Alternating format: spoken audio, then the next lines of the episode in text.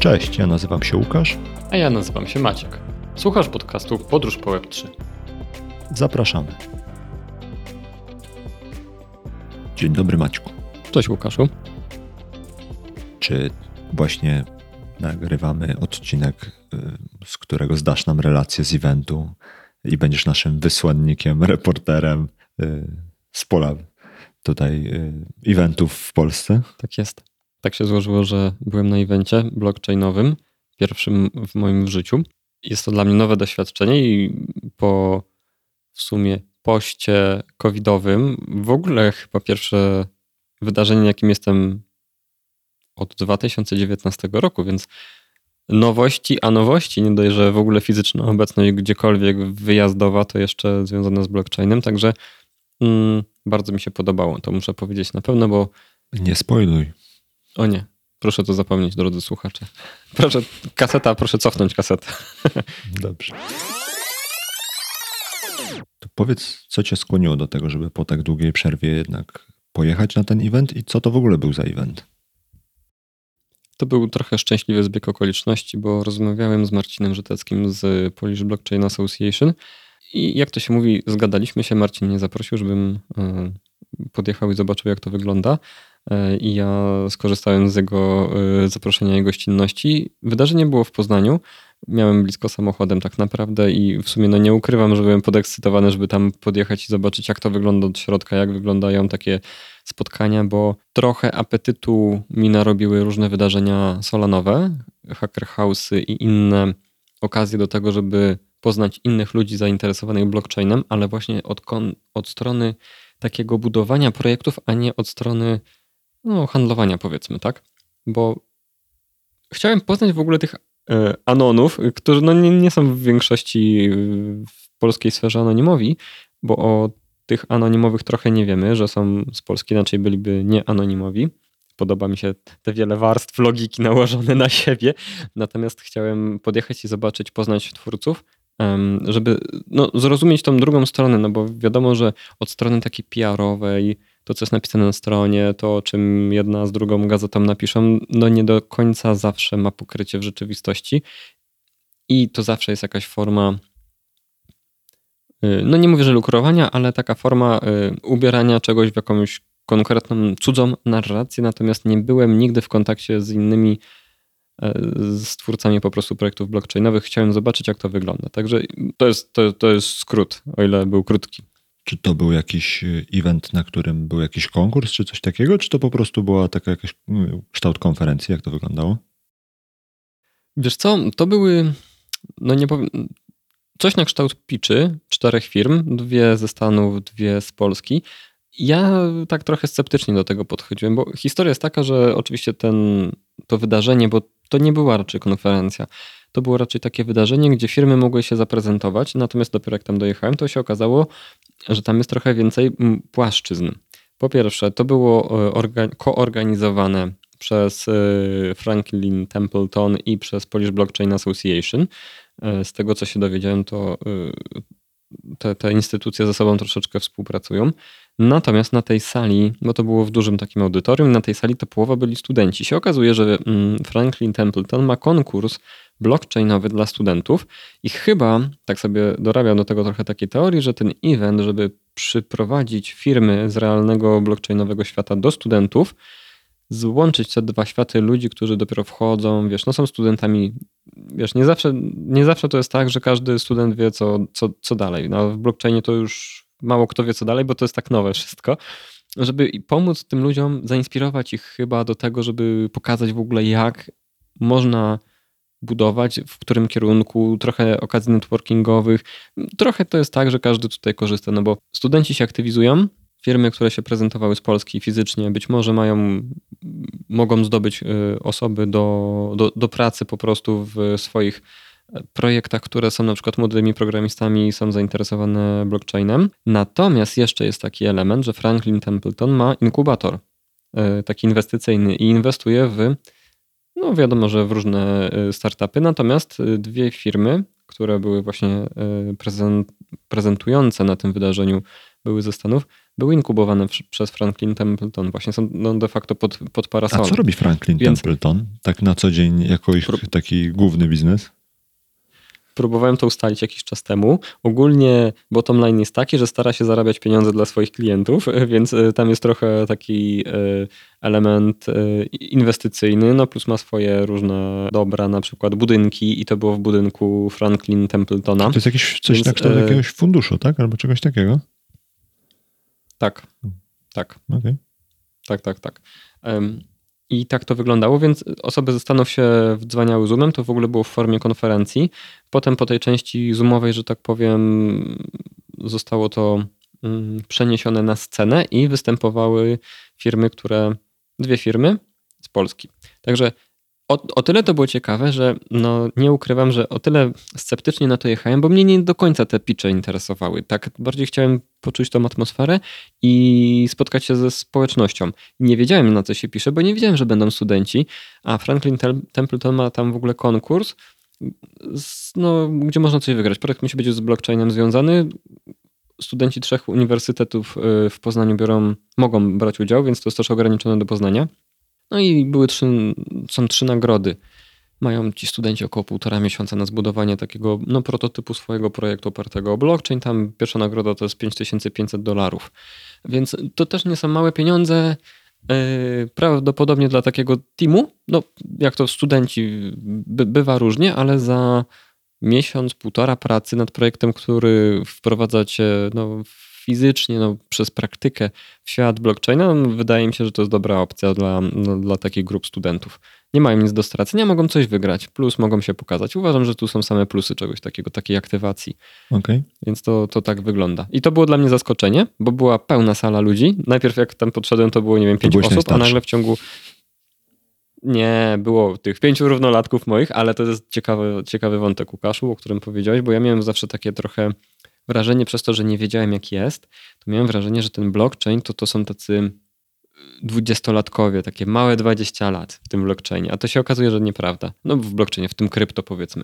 Bo się okazuje, i to zbadałem przynajmniej y, próba n równa 1, y, ta konferencja, że tam jest bardzo dużo deweloperów z dużym doświadczeniem. To są osoby grubo po 30, to są osoby, które są po 40, które mają Oczywiście są młode osoby i tak dalej, to, to wiadomo, ale jest duża grupa mm, osób z bogatym doświadczeniem, czy deweloperskim, czy ogólnie powiedzmy profesjonalnym. I to jest dla mnie takie odczarowanie tego mitu blockchaina jako rzeczy dla e, młodych e, osób, który nie mówię, że poza mną funkcjonuje, że taka jest, wiesz, percepcja tego, tego środowiska wszędzie, to ja miałem taką percepcję, a może to jakiś mi się wydaje, że jestem już taki stary. To, to wiesz co, to ja ci powiem, że jak ja się zaczynałem tak na poważniej obwąchiwać z tematami Web3, to jednym z takich argumentów, który mnie przekonał do tego, że poza tym, że no to brzmi ciekawie pod kątem technologii, ciekawie pod kątem tego, że to jest jakiś taki nowy paradygmat, czy jak to nie nazwiemy, to jednym z takich argumentów za tym, żeby jednak nie wejść i wyjść, było to, jak zacząłem obserwować, jak dużo faktycznie mądrych ludzi idzie y, właśnie do projektów, które są związane ze światem Web3. To znaczy, że to są ludzie, którzy przynajmniej na takich internetowy, podcastowy, YouTube'owy y, taki taką wygląd czy, czy doświadczenie wygląda na to, że naprawdę są webscy i że to nie są ludzie z przypadku, którzy tam tylko przychodzą po to, żeby y, coś zahachmęcić i za chwilkę zawinąć się i po prostu być trochę bogatszymi, tylko faktycznie wygląda jakby spora część takich e, nie wiem, pionierów, może nie, ale takich osób, które są w jakiejś takiej awangardzie technologicznej, e, w którymś momencie zaczęła się przerzucać na tematy związane z Web3. Trochę dlatego, że na pewno no, jest to potencjalnie bardziej intratne, ale też chyba dlatego, że po prostu te wyzwania technologiczne i te wszystkie wyzwania związane z tym, że no to wszystko się dopiero od jakiegoś czasu buduje, potem się trochę burzy, potem się znowu buduje. Y, no jakby to też jest jakby ciekawe i takie inspirujące, a no mówmy się, no w takim IT czy w finansach, no to mm, podejrzewam, że wynagrodzenie to nie jest jakby kluczowa kwestia, no bo to są branże, które tak naturalnie w każdym swoim jakby zakątku generują wysokie wynagrodzenia, więc to też wydaje mi się, że jest ciekawe pod tym kątem, że ludzie faktycznie idą robić projekty, bo chcą, no nie? A nie dlatego, że nie wiem, najlepiej płacą albo cokolwiek. Wiesz, no ja tam miałem kontakt akurat z, z tymi właścicielami, tak? To znaczy, oczywiście były teamy, to nie było tak, że jedna firma, jedna osoba, tylko była jedna firma i tam parę osób z tej firmy, tak? Były osoby z innych firm też. I nie wiem, czy to zasługa y, właśnie Stowarzyszenia y, Polish Blockchain Association, czy z jakiegoś innego powodu. Natomiast miałem kontakt z, wiesz, z normalnymi profesjonalistami, z latami doświadczeń i wieloma no, różnymi projektami y, zapasem, że tak powiem. A to powiedz nam, Maćku, może przejdźmy sobie przez te firmy. Może tak zadam pytanie. Przejdźmy przez firmy, co one pokazywały, co to były za firmy i jak ci się podobało to, co pokazywały. Jasne.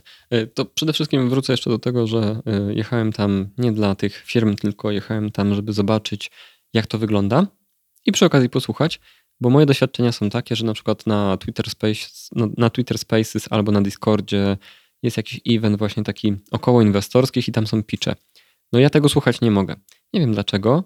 Moje podejrzenie jest takie, że w ogóle się nie, nie angażuję w to tak, żeby to zrozumieć, bo dla mnie to jest absolutnie obce, anonimowe i nie mam żadnego połączenia z takim startupem, który piczuje, wiesz, na Twitterze na przykład yy, na żywo. A tutaj była trochę inna formuła, przez to, że to było fizycznie na jakiejś sali byli ludzie i była okazja do zadawania pytań. I to było niesamowite, bo to spowodowało, że zupełnie się inaczej słuchało tych yy, pitchy, bo w momencie, kiedy ty chcesz zrozumieć pod kątem na przykład hipotetycznego zadania pytania, zupełnie inaczej y, absorbujesz tą wiedzę. I miałem też okazję zadać pytanie, i oczywiście y, głos mi zadrżał, bo była y, publiczność, więc to dosyć zabawne, no bo przecież tych koli człowiek z obcymi ludź, ludźmi robi całą masę, to jednak jak trzeba zabrać głos na forum, to, to tętno miałem tam wyższe. Zadałem powiedzmy trzy pytania i już przy drugim mi tętno spadło zupełnie, tak? Więc to był taki taki ten. Także człowiek jednak ma swoje, e, że tak powiem, słabości. Przechodząc do firm. E, dwie firmy ze Stanów, e, które prezentowały właśnie z portfolio Franklin Templeton, to była Amber Data i Forest Park Group. I teraz Amber Data to są dwie w ogóle różne firmy. Amber Data to jest firma, która już trwa, znaczy została założona 5 lat temu, ma swoich klientów. Z jej ramienia reprezentowała ją Tong Tong Gong, e, która jest założycielką tej firmy. Ciekawostka, to jest firma, która no, nie to, że skrejpuje dane z blockchainów i z różnych e, giełd i z różnych źródeł. Co znaczy skrejpuje, Maciu? Okej, okay, dobrze. Dla naszych słuchaczy skrejpowanie to jest proces pozyskiwania danych ze źródeł trzecich, z ogólnodostępnych źródeł, e, narzędziami, które sczytują te dane i na przykład umożliwiają ich wykorzystanie w dalszej części.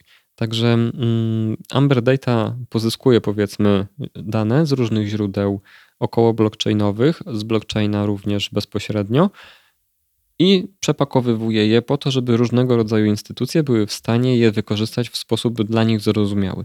Robi raporty, automatyczne oczywiście, to zależy jakiego produktu się użyje do tego, ale pozyskuje dane dla instytucji, które nie potrafią zrobić tego samemu. Czy to jest, to czy to jest odpowiednik, który dowiaduje się z ogólno... Absolutnie nie. Nie, nie, nie, nie, właśnie nie, bo, bo to chodzi o to, że na przykład możesz, z, jako instytucja możesz na przykład chcieć podejrzeć dany e, portfel i zobaczyć, jakie były transakcje na tym portfelu i ok, możesz to na jakimś blockchain explorerze zrobić, na palcach policzyć i tak dalej. O tyle oni dostarczają narzędzi do tego, żeby przez ich API sobie dalej budować automatyzację. Czyli oni dostarczają ci wszystkie dane, to znaczy wszystkie operacje, wszystkie transakcje, wszystkie, możesz sobie potem, wiesz, wykorzystywać te dane do tego, żeby jakieś mm, raporty generować, ale na przykład szukać, nie wiem, anomalii albo szukać jakichś, wiesz, lewych transakcji okay, i tak czyli dalej. Oni, poczekaj, żebym dobrze zrozumiał, oni po prostu przechodzą przez dane, które są na blockchainie, budują z tego taką, nazwijmy to, zwykłą bazę danych. Tą zwykłą bazę danych Potem z niej robią interfejs programistyczny do wykorzystywania dalej, żeby łatwiej było przechodzić przez te informacje, żeby nie trzeba było, no nie wiem, z blockchaina, jeszcze z jakichś innych jakby źródeł informacji korzystać, to one, oni je agregują i wypychają dalej w postaci jakiegoś interfejsu dla programistów, tak? Tak jest. Okay. Jak najbardziej. Ciekawostki. bo była seria pytań też na końcu. Była seria pytań i jednym z pytań właśnie było, yy, co cię zaskoczyło najbardziej, budując tego typu narzędzie, no bo to narzędzie ma dostęp do wszystkich danych, do których ono ma, bo na przykład w tym roku mają zamiar dodać 8 nowych blockchainów. To jest bardzo dużo. Mają dostęp yy, i analizują na ten moment już wiele blockchainów, DEXów i tak dalej, i tak ale dodanie 8 blockchainów jest olbrzymią operacją. Jest to olbrzymia operacja dlatego, że koszty hostingu są olbrzymie. Koszty analizy tych danych są olbrzymie, bo trzeba pamiętać, że operator Node'a, czyli tego węzła, jest po prostu operatorem takiego dużego komputera i praca tego komputera to są, no, jest bardzo duże obciążenie tego. I teraz hostowanie takiego Node'a po prostu generuje duże rachunki za, y, no, za clouda, powiedzmy, zależy gdzie to jest hostowane. Rozwiązania chmurowe po prostu wykorzystują do tego i płacą kosmiczne rachunki za to, że y, przepakowują dane z blockchaina na inną bazę danych i wykorzystują zasoby na przykład takiego AWS-a albo innego Azura, tak? Dokładnie tak. I teraz jeżeli każdy node przechowuje historię od początku świata, czyli od tak od zwanego Genesis wybuchu. block, czyli od wielkiego wybuchu pierwszego bloku na danym blockchainie i przechowuje wszystkie transakcje dokonane na tym blockchainie, no to chodzi o to, że jest to raczej kosztowne.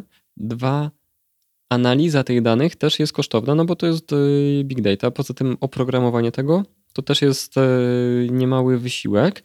I ciekawe jest to, że oni, w, tak właśnie Tong Tong o tym mówiła, że w Q1 tego roku podwoili obrót za cały zeszły rok.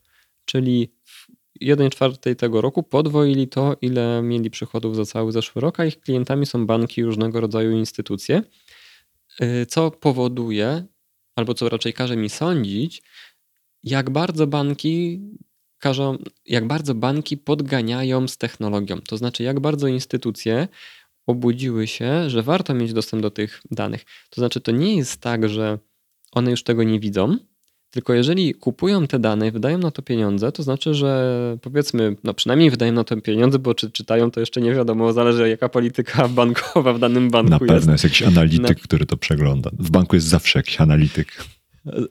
Tak, wydruki przegląda.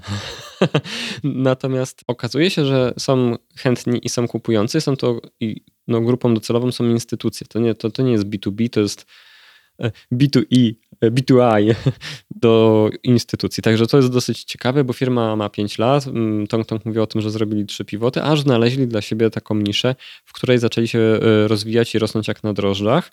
Co jest w ogóle, wydaje mi się, dosyć ciekawe, że no, Tong Tong też mówiła, że byli e, za wcześnie. To znaczy, że rynek nie był gotowy na ich produkt. Mm, no, 5 lat temu to rzeczywiście wydaje się, że to jest e, odległościowo to są lata świetlne po prostu od tego, gdzie jesteśmy dzisiaj. Więc to tak wygląda, jeżeli chodzi o ten, mm, o ten to projekt. następną y, firmę teraz, żebyśmy o każdej nie rozmawiali 20 minut i analizowali modelu biznesowego. Chyba, że to była ta najciekawsza i dlatego chciałeś o niej najwięcej powiedzieć. To była pierwsza i może byłem w największym szoku. Druga firma z portfolio Templetona nazywa się Forest Park Group i ona jest dopiero założona i team jest chyba jednoosobowy i ona jest o tyle ciekawa, że ona jest way, way earlier niż dużo, dużo wcześniej. Data. O, wow. tak, to, to proszę wyciąć. Tak, dużo wcześniej. Idea jest taka, że jest takie coś jak taki kredyt, który jest budowany z wielu instytucji bankowych. Te kredyty to opiewają na 500 milionów dolarów na przykład. I żeby taki kredyt udzielić jakiemuś dużemu kredytobiorcy, wymagana jest cała masa dokumentacji, cała masa papierów, danych w CSV-kach, e, screenshotów, anotacji do tego. Podobno właśnie wedle założyciela e, tego, tego startupu tak jest. Operacja trwa około 21 dni, w Unii Europejskiej około 40 dni, z uwagi na ilość danych do przerzucenia i tego, że trzeba zsynchronizować ludzi z różnych miejsc, bo oni nie wszyscy wiedzą, co gdzie jest i szukają potem danych po tych plikach. No, co mi się wydaje trochę takie dziwne, że nie ma do tego systemu takiego scentralizowanego do przeprowadzenia takiego procesu albo zwykłego skomputeryzowanego to, procesu. To chyba, czy, czy ja dobrze rozumiem, że to jest tak, że jak jesteś, nie wiem, deweloperem, który buduje wieżowiec w Nowym Jorku, to nie finansuje tego jedna instytucja, tylko one jakby współfinansuje kilka instytucji, tak? I po prostu robi się coś na kształt jakiegoś konsorcjum, które udziela takiej połączonej pożyczki po to, żeby udźwignąć taką dużą inwestycję? Dokładnie tak. To po polsku się nazywa kredyt konsorcjalny, natomiast po angielsku się to nazywa syndicated loan, czyli syndykat udziela takiej pożyczki, bo ona jest bardzo duża i żeby jedna instytucja bankowa jej nie udzielała, nie brała odpowiedzialności na siebie, jest to rozparcelowywane do syndykatu, do konsorcjum e, i jeden duży pożyczkobiorca wtedy taką pożyczkę przejmuje i te banki muszą się zsynchronizować. I gdzie tu jest miejsce na krypto? Otóż padło takie pytanie z publiczności. I teraz wydaje mi się, że są dwa obszary. Jeden obszar to jest bezpieczeństwo i mm, niezmienialność danych, i tu jest miejsce na blockchain. A ideą w ogóle tego startupu jest to, żeby z tych 21 dni zrobić jeden dzień. Co wydaje mi się, że mimo wszystko, z, szanując najambitniejsze założenia, blockchain tego nie rozwiąże. Blockchain zapewni ci immutowalność, nie, niepodzielność, brak możliwości zmiany historii i tak dalej. I to jako security i, i pewność i gwarancja w świecie banków i finansów i instytucji. Oczywiście 100% y, istotności, ale to nie rozwiąże prawdopodobnie, bo ja nie widzę tego mechanizmu. Może UI i UX i w ogóle jakieś tam ergonomia całego tego systemu wprowadzi możliwość oszczędności czasu, ale nie dlatego, że to będzie na blockchainie, tylko dlatego, że ktoś zrobi system, który ergonomicznie umożliwi współpracę pracownikom banków. Wiesz co, to jeżeli ja miałbym szukać, ale nie słyszałem o tej firmie i nie słyszałem tego, tego wystąpienia, ale jeżeli ja miałbym gdzieś tu szukać blockchaina, to wydaje mi się, że to jest tak. Po pierwsze, to brzmi jak system do obiegu dokumentów i po to tam jest blockchain, żeby nie robić obiegu cyfrowego, potem robionego drugi raz obiegiem papierowym, bo tak to często wygląda w instytucjach finansowych, że najpierw się wysyła skany po to, żeby ktoś sprawdził, czy jest sens podpisywać te dokumenty później, bo są dobrze powypełniane. Więc trochę mi to brzmi jak y, to, że ten blockchain jest po to, żeby poświadczyć, że te dokumenty są zgodne, prawdziwe, dobrze wypełnione i widać całą ich historię, a tak koniec końców od strony frontu no, to brzmi jak 2% Web3 po to, żeby zapewnić spójną bazę danych, która poświadcza na przykład jakimś podpisem w formie, nie wiem, czy jakiegoś NFT, czy czegoś takiego, że podpisujesz jakiś dokument, ty, w sensie twój portfel y, i, i 98% normalnego systemu do obiegu dokumentów. Mi się to kojarzy z data roomem. Data room to jest takie kiedyś y, przy y, merger and acquisitions, przy kupnach, przejęciach. Data room to był taki pokój, do którego się wrzucało wszystkie papierzyska i przychodził duży audytor i robił due diligence i Kanciapa. dostawał tak, taka kanciapa, gdzie zamiast szczotek są nagle segregatory i ktoś tam został zamykany i czytał te wszystkie papierzyska, a to zostało potem... Y, Zdigitalizowane. Ch chciałem powiedzieć... Z, z, disrupted zostało, po polsku zapomniałem odpowiednika i zostało... Otóż to, też kwiecisty polski język. E, I zostało objęte rozwiązaniami cyfrowymi wcale nie na blockchainie jeszcze. I dało się i, i to też, tylko no, źródła danych też są kompatybilne w formie danych e, cyfrowych. I to się dało zrobić. I o ile uważam, że pomysł jest wspaniały, bo już widzę, jak kilka banków ze sobą gada na temat tego, w którym Excelu co jest i jeszcze na przykład jakieś są zeskanowane wnioski i szukanie... Informatyk z banku mówi, że nie da się tego wyciągnąć w takim kształcie. No, ten twórca tego mówił, że tam są w ogóle robione screenshoty. Większość jest robione przez maila. I tam są ludzie strzałki sobie rysują i w ogóle, no, jak... Okej, okay, ja w tym nie siedzę, ale brzmi jakby było to w części przynajmniej prawdopodobne i wydaje mi się, że taka nisza jest fenomenalna po prostu. Super nisza. Pytanie, Jaki jest y, rynek na to i ile takich y, kredytów jest udzielanych, ile takie przeprowadzenie tego kredytu kosztuje? No bo to się musi bankowi zwrócić. No nie wyda kasy na to, żeby podnosić koszty takiej operacji, no żeby taka pożyczka no, była nierentowna, no bo no bank zarobi na tym, jak udzieli jej się spłacą odsetki, że jest tych odsetek, prawda? Więc to musi się mieścić w, poniżej odset, odsetków. Odsetek, które wygeneruje taki, mm, taki kredyt duży. Dobra, Także ale wydaje mi nie się, że- zastanawiajmy się nad modelem biznesowym startupu, bo chyba jeżeli tam był jeden founder i on tylko Tak. snuł wizję, to tam jeszcze dużo rzeczy może się zmienić i to ewentualnie jest kwestia tego, żeby obserwować, czy faktycznie coś z tego będzie, czy tam po prostu ktoś wpadł na pomysł, żeby y, zrobić coś, co mogłoby być normalnie systemem komputerowym, y, ale dokleił blockchain, żeby brzmiało Dobrze. bardziej hipstersko. Okej, to przechodzimy do dwóch polskich e, firm. E, Mysa i Zetli. I teraz Zetli to jest... Mm, ja trochę tego nie czuję, bo ja nie jestem w sporcie osadzony i ja nie rozumiem fascynacji klubami wszelkiej maści i tak dalej. Natomiast Zetli to jest taka platforma trochę all-in-one dla fanów sportu albo dla, dla drużyn, dla fanów tych drużyn. No i właśnie ja tego trochę nie rozumiem. Do tego, żeby kluby, kibice, federacje, w ogóle sportowcy mogli się połączyć na tej platformie za pośrednictwem na przykład wymintowanych NFT, żebyś ty mógł jako na przykład kibic z tego co zrozumiałem, wejść w na przykład posiadanie tokena piłkarza albo tokena y, drużyny i ja może tego nie do końca zrozumiałem po pierwszym tak zwanym czytaniu tej prezentacji, ale ja tego trochę nie kupuję, bo ja jestem w ogóle Nie na nie. docelową. Tak, ja mam me- mechanizm wyparcia i niechęci zrozumienia, więc dla mnie to było najtrudniejsze do zrozumienia ta prezentacja. Jaka jest w ogóle korzyść dla społeczeństwa z udziału? Wiesz co, to, to ja ci powiem, bo słyszałem o takim projekcie, który nazywa się chyba albo coś kręcę, ale wydaje mi się, nazywa się Socios, albo jakkolwiek to się czyta w jakimkolwiek języku. I on polega, znaczy oni właśnie tokenizują drużyny i sprzedają tokeny. No, swego czasu był, było taki głośny temat, że oni właśnie wypuszczali token FC Porto.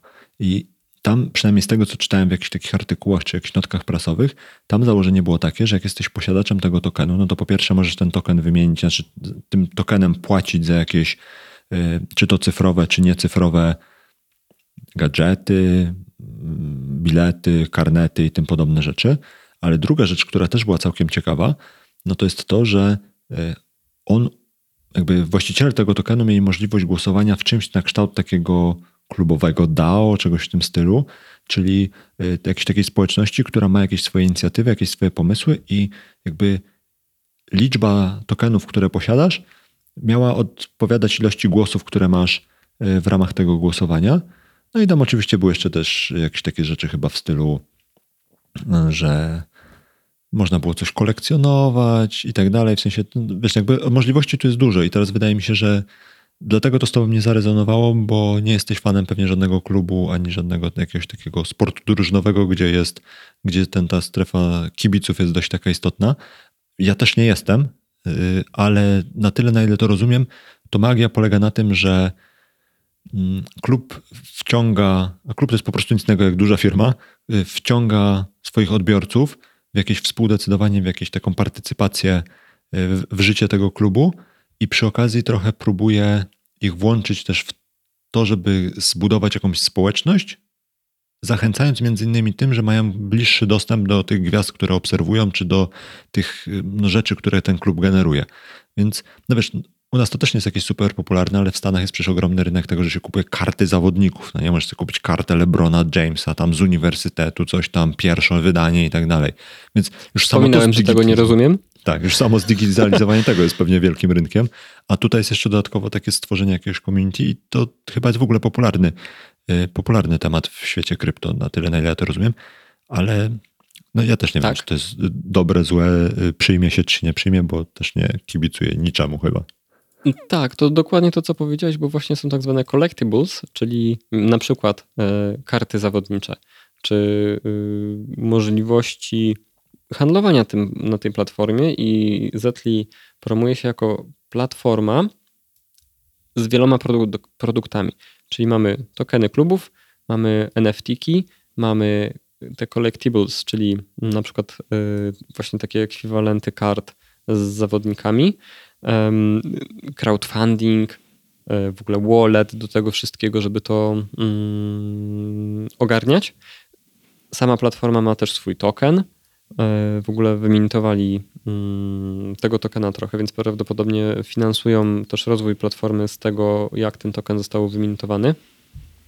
E, I to jest aplikacja mobilna. Ja, ja po prostu tego jakby przez to, że no tak jak powiedziałem, nie czuję, to dla mnie to jest trudne, żeby zobaczyć, gdzie tu jest na przykład przełom, no bo po, ja nie widzę własnej inicjatywy, ale tak jak powiedziałeś, w Stanach to jest popularne, więc być może to, jak się ustabilizuje, na przykład będzie mogło sobie wyjść e, gdzieś tam dalej na, na świat.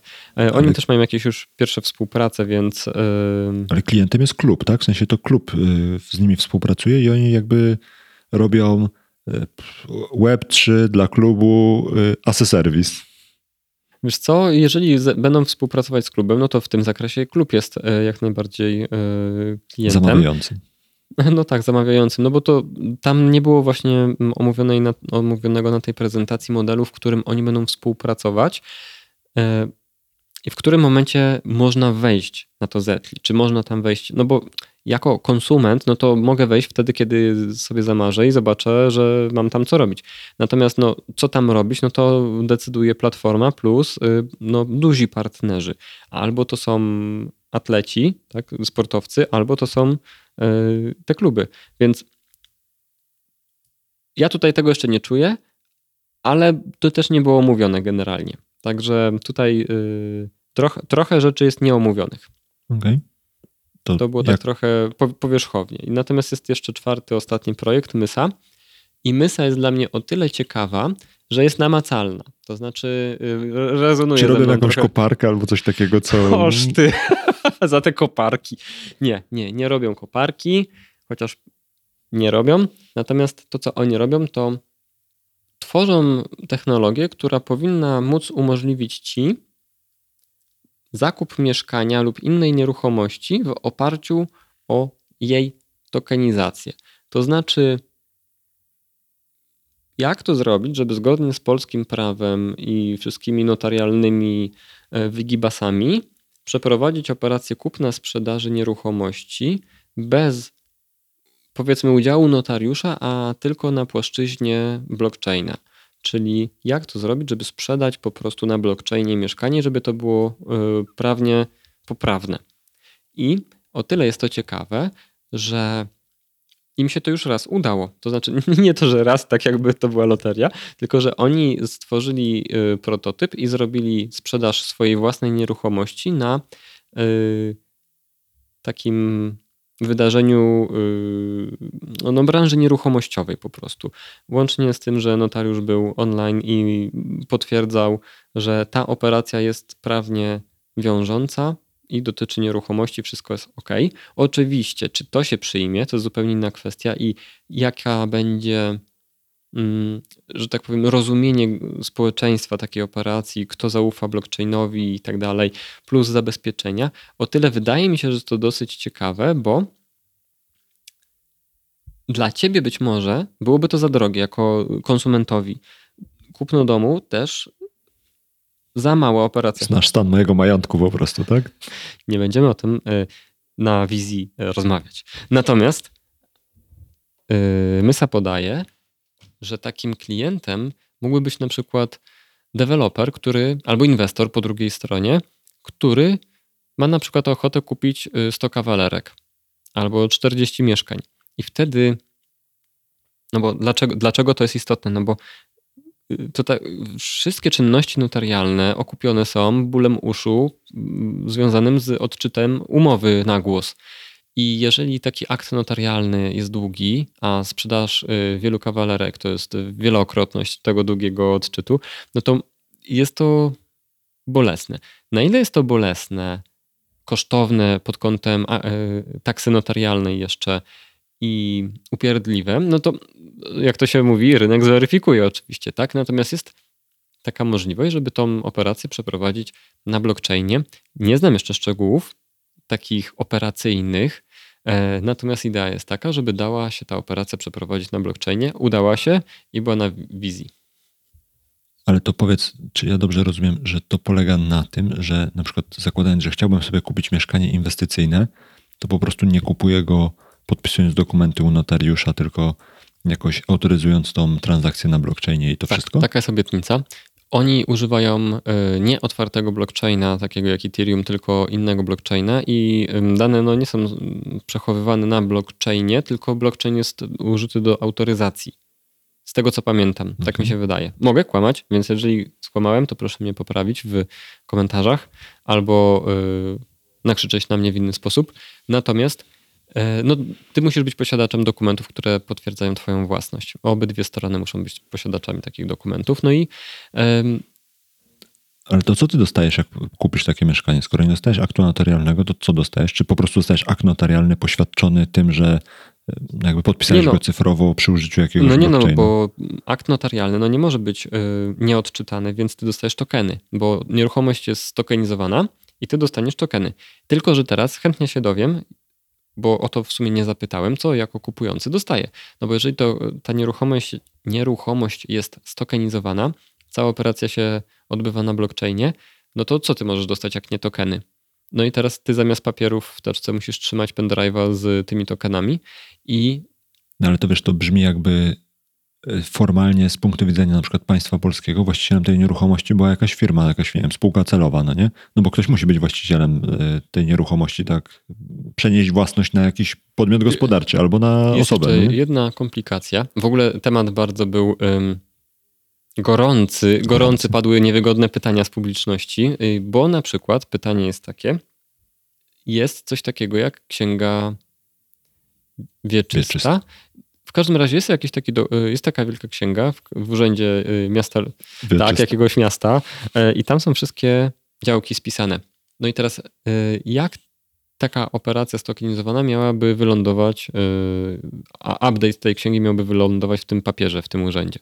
Więc to podobno jest y, ograne, no bo ta, ta, ta transakcja miała miejsce.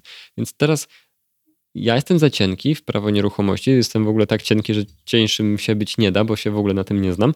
Natomiast y, twórcy twierdzą, że ta operacja została poprawnie wykonana na wizji i przy, przy klepaniu tego przez notariusza. No to jest ciekawe w ogóle, że y, jednym z takich y, bardzo popularnych, mam wrażenie, zastosowań y, Web3 czy blockchaina ogólnie w Polsce to jest tokenizacja wszystkiego, firm, nieruchomości, jakichś innych rzeczy. I wszyscy twierdzą, że to się da zrobić, że to tutaj wszystko jest z punktu widzenia prawnego dobrze ogarnięte. I to chyba trochę jest na takiej zasadzie, że dopóki ktoś nie powie sprawdzam, albo coś się nie wysypie, i dopóki nie będzie z tego jakiejś, nie wiem, sprawy w sądzie albo czegoś takiego, to chyba nie do końca wiemy, na ile to faktycznie te zapewnienia, że wszystko jest spoko i okej, są dobre. No bo tak na mój chłopski rozum, no to koniec końców ktoś musi być właścicielem tej nieruchomości. Więc załóżmy, że tym właścicielem jest jakaś spółka celowa, która kupuje tą nieruchomość i ona właśnie widnieje w tych wszystkich księgach wieczystych i tak dalej. No i co, potem chyba ta spółka musiałaby jakieś tokeny generować i, i jakby je rozdawać, czy w jakiś sposób sprzedawać. I tak naprawdę to jest trochę taka opcja, jakbyś sprzedawał, nie wiem, udziały albo akcje w spółce, tylko w formie tokenów, więc omijasz całe to prawo generowania e, wpisów u notariusza i tak dalej, i tak dalej. Ale no nie wiem, to też jest w sumie ciekawe. Może kiedyś uda nam się zaprosić kogoś, kto tego typu projekt robi e, i, i dopytać go, jak to funkcjonuje, jak to działa i czy to faktycznie jest wszystko tak, że no, tak łatwo i, i, i super da się to Jestem zrobić. jak najbardziej za, bo dla mnie to bardzo ciekawe przez to, ile tych challenge jest do pokonania przez firmę, która chce to zmienić. Także e, może nam się uda e, przy najbliższej okazji przeprowadzić wywiad z kimś z Mysy. No dobra, Maćku, to dzięki wielkie za Twoje świadectwo. Y, I, I co? Chyba wniosek taki, jeżeli dobrze rozumiem Twoje historie, jest taki, że w sumie warto na taki event pojechać, posłuchać y, tych wszystkich wystąpień i tego, jak, jak ci, y, ci prezentujący pokazują te swoje przedsięwzięcia, ale też warto tam pójść po to, żeby trochę poznać tych ludzi, móc ich dopytać i w jakiś sposób zgłębić te tematy. Tak. Czy dobrze rozumiem, że ogólnie było fajnie? Ogólnie było super. Jestem bardzo zadowolony, że tam pojechałem i wydaje mi się, że to, co mógłbym poradzić, to być aktywnym, bo z pasywnego słuchania nie wyciągniesz tyle i nie zrozumiesz tyle, ile z takiego podejścia, gdzie chcesz to naprawdę zrozumieć, a żeby, wiesz, bo trudno zadać y, jakieś konstruktywne pytanie tak naprawdę w, W locie. locie. Bo musisz w locie to kompilować, y, pomysł y, w locie musisz kompilować, albo od razu widzieć te zagrożenia, albo rzeczy, które się tam powiedzmy nie spinają. To jest mega ciekawe i gorąco zachęcam do zadawania pytań, bo to powoduje, że tobie się naprawdę coś zmienia w głowie i zaczynasz rozumieć to z innych kątów, pod innymi perspektywami na to patrzysz. Myślę, że z perspektywy naszego podcastu to, co jest też wa- ważną i taką ciekawą nauką z tego jego twojego wyjazdu jest to, że chyba dobrze, żebyśmy co jakiś czas pojechali, jeżeli coś, e, jakieś takie wydarzenie tego typu będzie się działo gdzieś tu niedaleko nas, po to, żeby też nie tylko przez internet czy przez Twittera, ale też na żywo spróbować dotknąć trochę tych tematów, porozmawiać z ludźmi i wtedy to też poszerzy na pewno nam perspektywę, więc chyba możemy założyć, że to nie był ostatni event, na którym się pojawimy i, i posłuchamy sobie albo spróbujemy porozmawiać z kimś. nie? Pierwszy i nie ostatni, mam nadzieję. No dobra, to co? Dzięki wielkie Maćku za, za to, że nam opowiedziałeś, jak to wyglądało. E, I co? Do zobaczenia, do usłyszenia następnym Do usłyszenia. Się. Trzymajcie się. Pa, pa. Dzięki za wysłuchanie kolejnego odcinka podcastu Podróż po Web3. Żeby nie przegapić kolejnych odcinków, pamiętaj, żeby zasubskrybować ten podcast w swojej aplikacji do podcastów. Wejdź również na www.ppw3.pl i zapisz się do newslettera. Otrzymasz dzięki temu powiadomienie o każdym nowym odcinku oraz dodatkowe materiały. Dzięki i do usłyszenia. Cześć.